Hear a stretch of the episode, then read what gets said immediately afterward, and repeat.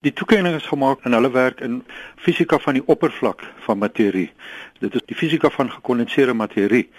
Gekondenseerde materie het ongeveer 2 tot 3 dekades lank wat dit vir ons keer op keer bewys van wat ons fisika studente op skool en op universiteit leer, hoe dat ons die inhoud van daai teksboeke moet herskryf en weer herskryf want daar word net die een na die ander nuwe fase van materie ontdek in hierdie tak van fisika. Om die ding tot eenvoudige terme te maak, ons weet in die algemeen van sogenaamde vier fases van materie. Die ene is die gasfase, die tweede een is 'n vloeistoffase, die derde een is die vaste toestandfase en dan die vierde word algemeen beskou as die sogenaamde plasmafase. Maar gekondenseerde materie wat amper uitsluitlik die domein is van lae temperatuur fisika, lewer die een na die ander van eksotiese fases op wat ons nog net begin om uit te werk hoe hierdie eksotiese fases aan mekaar insit.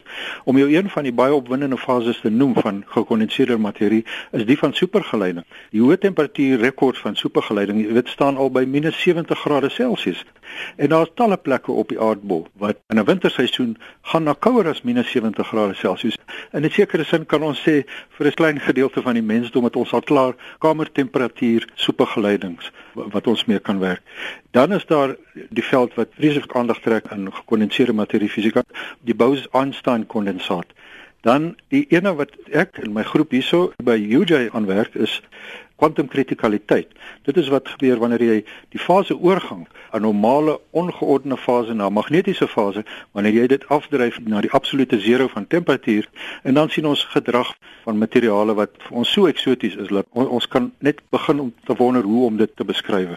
En dan die ene wat nou baie groot nuus gemaak het en wat vir ons in hierdie veld vreeslik opwindend is, is die van die oppervlaktoestande van materie wat ons nog net besig is om agter te kom hoe hierdie oppervlaktoestande van materie materie alledaagse lewe kan beïnvloed deur nuwe fases van materie aan ons te ontbloot.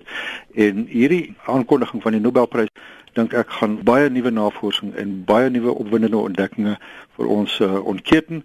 Dit is die goeie tyd en is die regte tyd vir jong studente met ambisies om in fisika te kom deelneem aan al hierdie ontdekkings.